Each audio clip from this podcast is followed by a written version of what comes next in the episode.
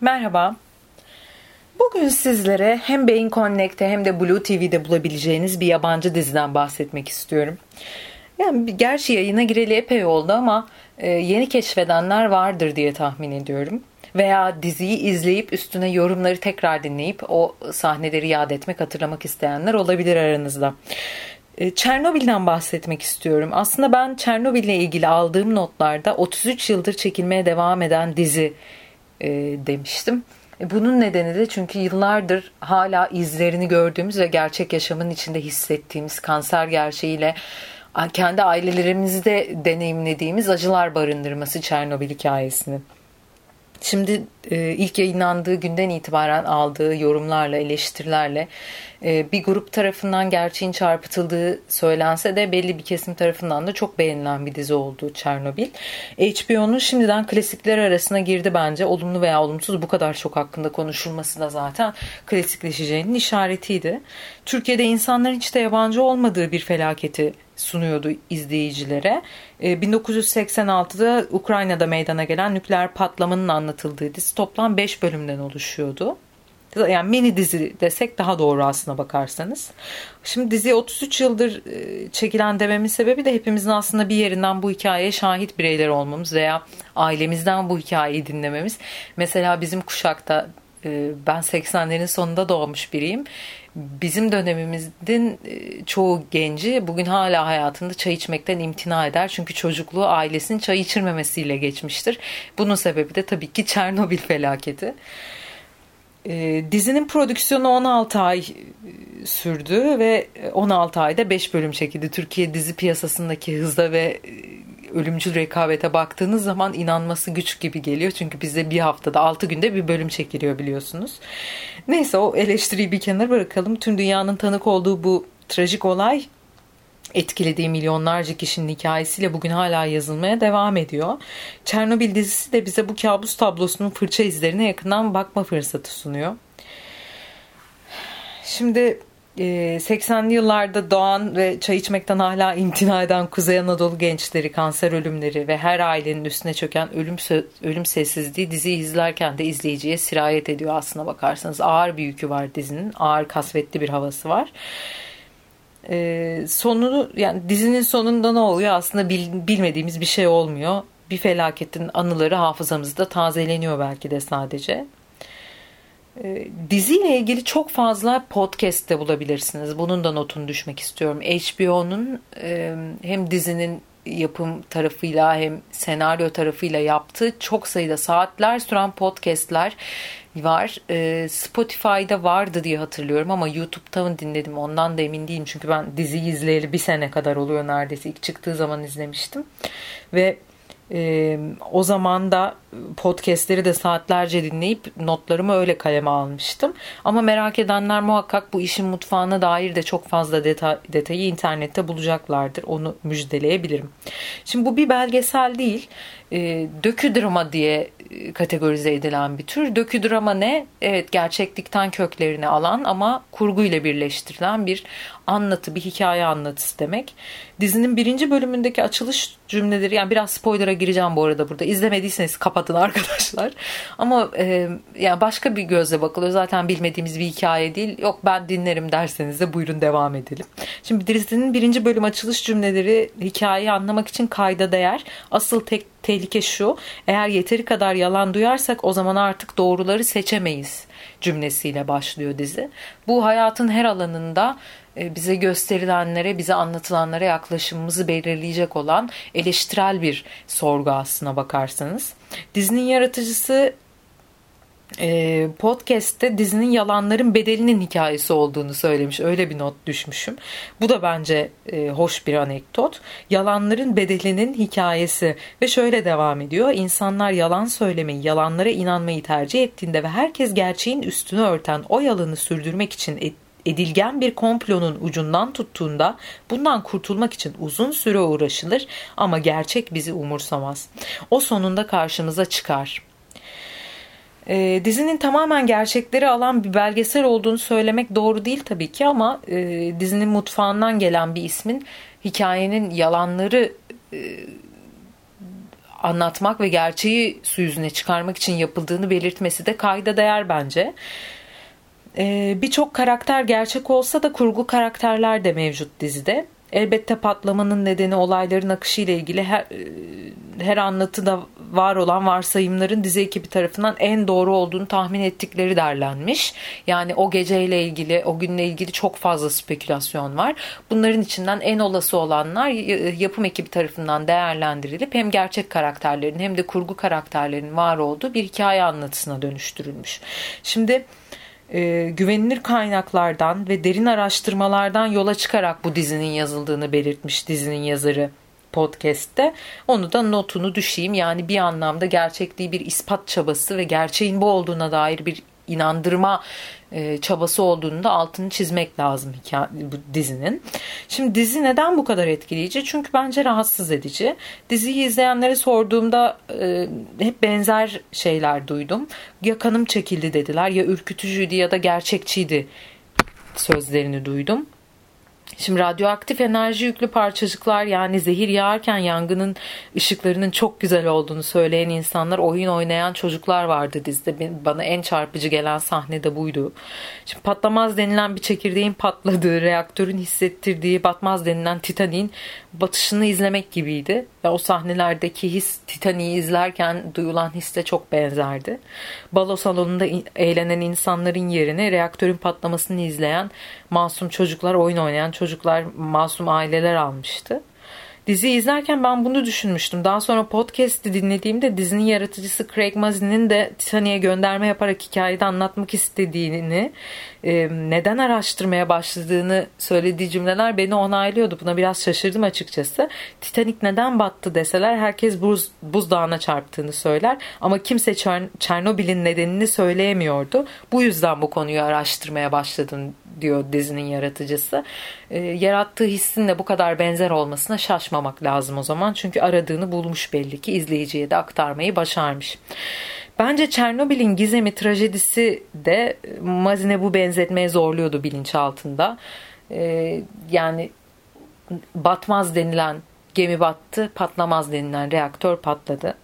E, ne kadar acı olsa da gerçeğin veya gerçek olduğu varsayılan o trajedinin hissi her ikisinde de aynıydı. Çernobil'in etkileyiciliğini düşünürken aklıma Camus geldi. 1960'ta bir araba kazasında ölmüştü. Yıllar önce bir dergide şöyle bir anekdot okumuştum. Hmm, daha önce kendisine ölümün en absürt şeklinin hangisi olduğu sorulduğunda araba kazası yanıtını vermiş. Şimdi değişen dünya yaşamı değiştirirken ölümü ölümün nedenlerini ve şeklini de değiştiriyor tabii ki. Onun e, hastalıktan ölen insanların yerini daha uzun yaşayan ancak kendi yaptıkları aracın bir yere çarpmasıyla ölen insanlar aldı tarihte yıllar boyunca. İşte, Camus'un da ironik gördüğü şey buydu zaten. Yani insan eliyle yapılmış bir aracın insanın ölümüne yol açması. Bir araba kazasında ölmek çok trajik, çok absürt demişti. Evet çok ironik. Çernobil'in de hepimizi bu kadar etkilemesinin nedenlerinden biri bu sanırım. İnsanoğlunun yaşam gereklerini karşılamak üzere daha çok enerji ihtiyacını karşılamak için ürettiği dev reaktörlerin milyonlarca insanın hayatına son vermesi ve yıllarca bu etkinin devam etmesi çok ürkütücü tabii ki. Üstelik güvenlik patlama e, testi yapılan akşam test sırasındaki işlemler nedeniyle patlama oluyor. Diziyi izleyenler bilir izlemeyenlere de dev spoiler verdim ama artık affedin beni. Şimdi bu çok ironik tabii ki. Dizide bu patlama nasıl işleniyor? Biraz ona gelelim. Patlama sonrası uzun bir süre önce reaktör görevlileri sonra devlet tarafından inkar meka- mekanizmalarının işletildiğini görüyoruz. Yalan üstüne yalan söylüyorlar. Dizide reaktöre 400 kilometre uzaklıktaki nükleer enerji merkezinde bile sistemlerin radyasyon alarmı verdiği görülüyor. Ya yani etkisiz düşünün artık. Olayın etkilerinin 100 yıl e, net olarak süreceği tam olarak yeryüzünden temizlenmesinin ise 50 bin yıl alacağından bahsediliyor. Patlamadan 20 saat sonra bilim insanlarının geçen her saat Hiroşima'nın iki katı nükleer radyoaktif yayıldığını söylüyorlar. Facianın derecesine bakar mısınız? Yani yayılan plütonyum 239'un Yani maddenin adı plütonyum 239. Yarılanma süresi 24 bin yıl deniyor. 2600 metrekare alana yayılmış radyoaktif atıktan söz ediliyor. Alan içinde insanlar olaydan ancak bir ay sonra tahliye ediyorlar. Bu ediliyorlar. Bu insanlar bu kadar radyasyona, bu kadar radyoaktif enerjiye ve atağa maruz kalıyorlar. Yani felaketi düşünebiliyor musunuz? Tüm hayvanlar bölgedeki vurularak öldürülüyor. Ormanlar dümdüz ediliyor. 100 kilometrelik alanda toprağın üst yüzeyi ters yüz ediliyor. Kurşundan kaynakla yapılan tabutlarla betona gömülen cenazeleri izliyorsunuz dizide. Ölen kuşlar, silahlarla vurulan köpekler var. Damarlarınızın sündüğünü, büzüştüğünü hissettiriyor bazı sahneler. Kanınızın vücudunuzda akmaya zorlandığını fark ediyorsunuz. Yani o kadar geri, öyle bir gerilim var. Şimdi e, dizinin Amerika'dan bakan gözlerle detaylandırıldığı aşikar zaten yapılan eleştirilerin de en büyüğü buradan kaynaklıydı. İşte e, hala soğuk savaş dönemine verilen referansla bu Doğu bloğu ülkelerini Amerika'dan bir bakışı ekrana getiriyor ve e, o sistemin e, çarklarının nasıl yanlış döndüğünü, nasıl yalanlar üzerine kurulu olduğunu göstermek için yapılan bir propagandadan farkı yok diyor bazı görüşler. Şimdi ilk akla gelen de o dönem Doğu bloğu ülkelerinde soğuk savaş döneminde bir patlama olduğunda ilk akla gelen tabii ki sabotaj mı, bomba mı, Amerikan saldırısı mı falan gibi düşünceler oluyor. Hatta patlama sonrası yalanların sıralandığı bürokratik son dakika toplantılarını görüyoruz ve her ihtimale karşı insanlar sığınaklara iniyorlar. Çünkü bir saldırı beklentisi var. Dönemin atmosferi dizinin kalırından genel planlarına kadar her ayrıntıda göze çarpıyor. İdeolojik vurgular da aynen bu şekilde çarpıyor ve çok e, etkiliyor insanı. E, distopya karamsarlığı var ama işin işte trajik yanı şu ki distopya olabilecek kadar e, kötü ve detaylı bir anlatı ama maalesef ki hayatın gerçeğin ta kendisi. Komple teorileri havada uçuşuyor, bürokratik yalanlar, hani o hiyerarşinin e, yıkıcılığı o kadar rahatsız ediyor ki izlerken bizi. Bürokratların tutumları yalnızca birkaç yıl sonra tarihin tozlu sayfalarına gömülecek Sovyet Sosyalist Cumhuriyeti'ne bağlılık yemin ederek kendi canından vazgeçen insanlar var. bu da yani korkunç. E, hani bu, bunu başka türlü takip et, tarif etmek herhalde imkansız. Korkunç yani. iki yıl sonra tarihten silinecek iki üç yıl sonra bir devlet var ve sen ona bağlılık yeminiyle kendi canından vazgeçiyorsun. yani ne diyeyim ki işte siyasi eleştiriye giriyor. Girmiyorum devamlı tahmin edin. Robotlar radyasyon dolayısıyla kullanılmaz hale geliyor.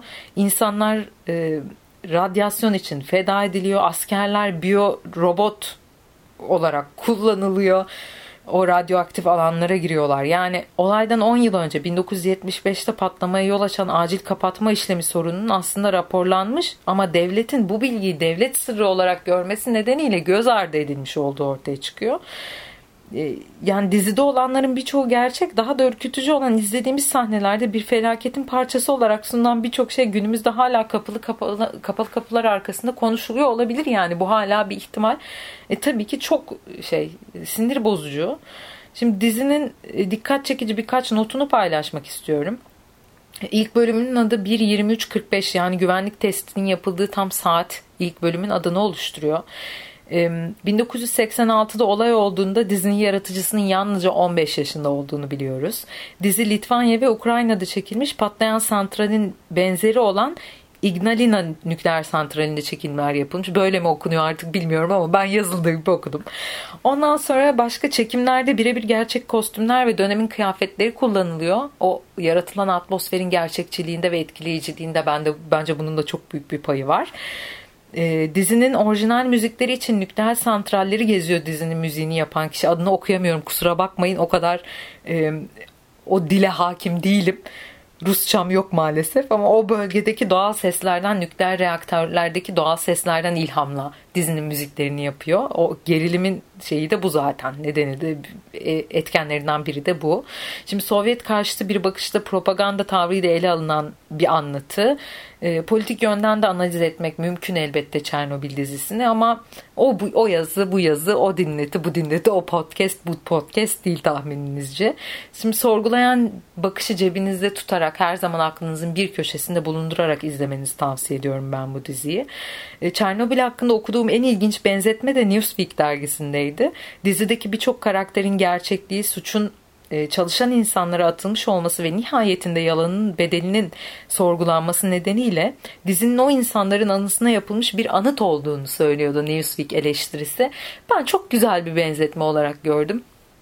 Ee, siz de bundan 33 yıl önce e, gerçekleşmiş bir olayı, bir felaketi Amerikan penceresinden soğuk savaş fikrini cebinizde tutarak eleştirel bir bakışla izlemek, değerlendirmek ve biraz olsun e, o dönemle ilgili merakınızı törpülemek isterseniz Çernobil bunun için iyi bir fırsat.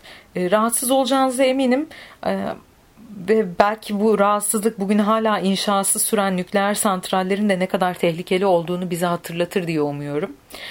Konuyla ilgili Albert Camus ile ilgili e, araba kazası ile ilgili olan anekdotu nerede okumuşum onun da notunu vereyim size. Belki merak edip okuyanlar olur. Filozofların ve e, felsefecilerin ölümleri üzerine ölüm üzerine bir sayıydı zaten ama bu bahsettiğim yazı da Hamza Celalettin imzalı politik estetik bir inceleme filozoflar neden öldü başlıklı Nisan 2018 sayısında Düşün Bil dergisinde yayınlanan bir e, makaleden alıntı. Onu da e, okuyabilirsiniz. Şimdiden sizlere iyi seyirler diliyorum. Görüşmek üzere, hoşçakalın.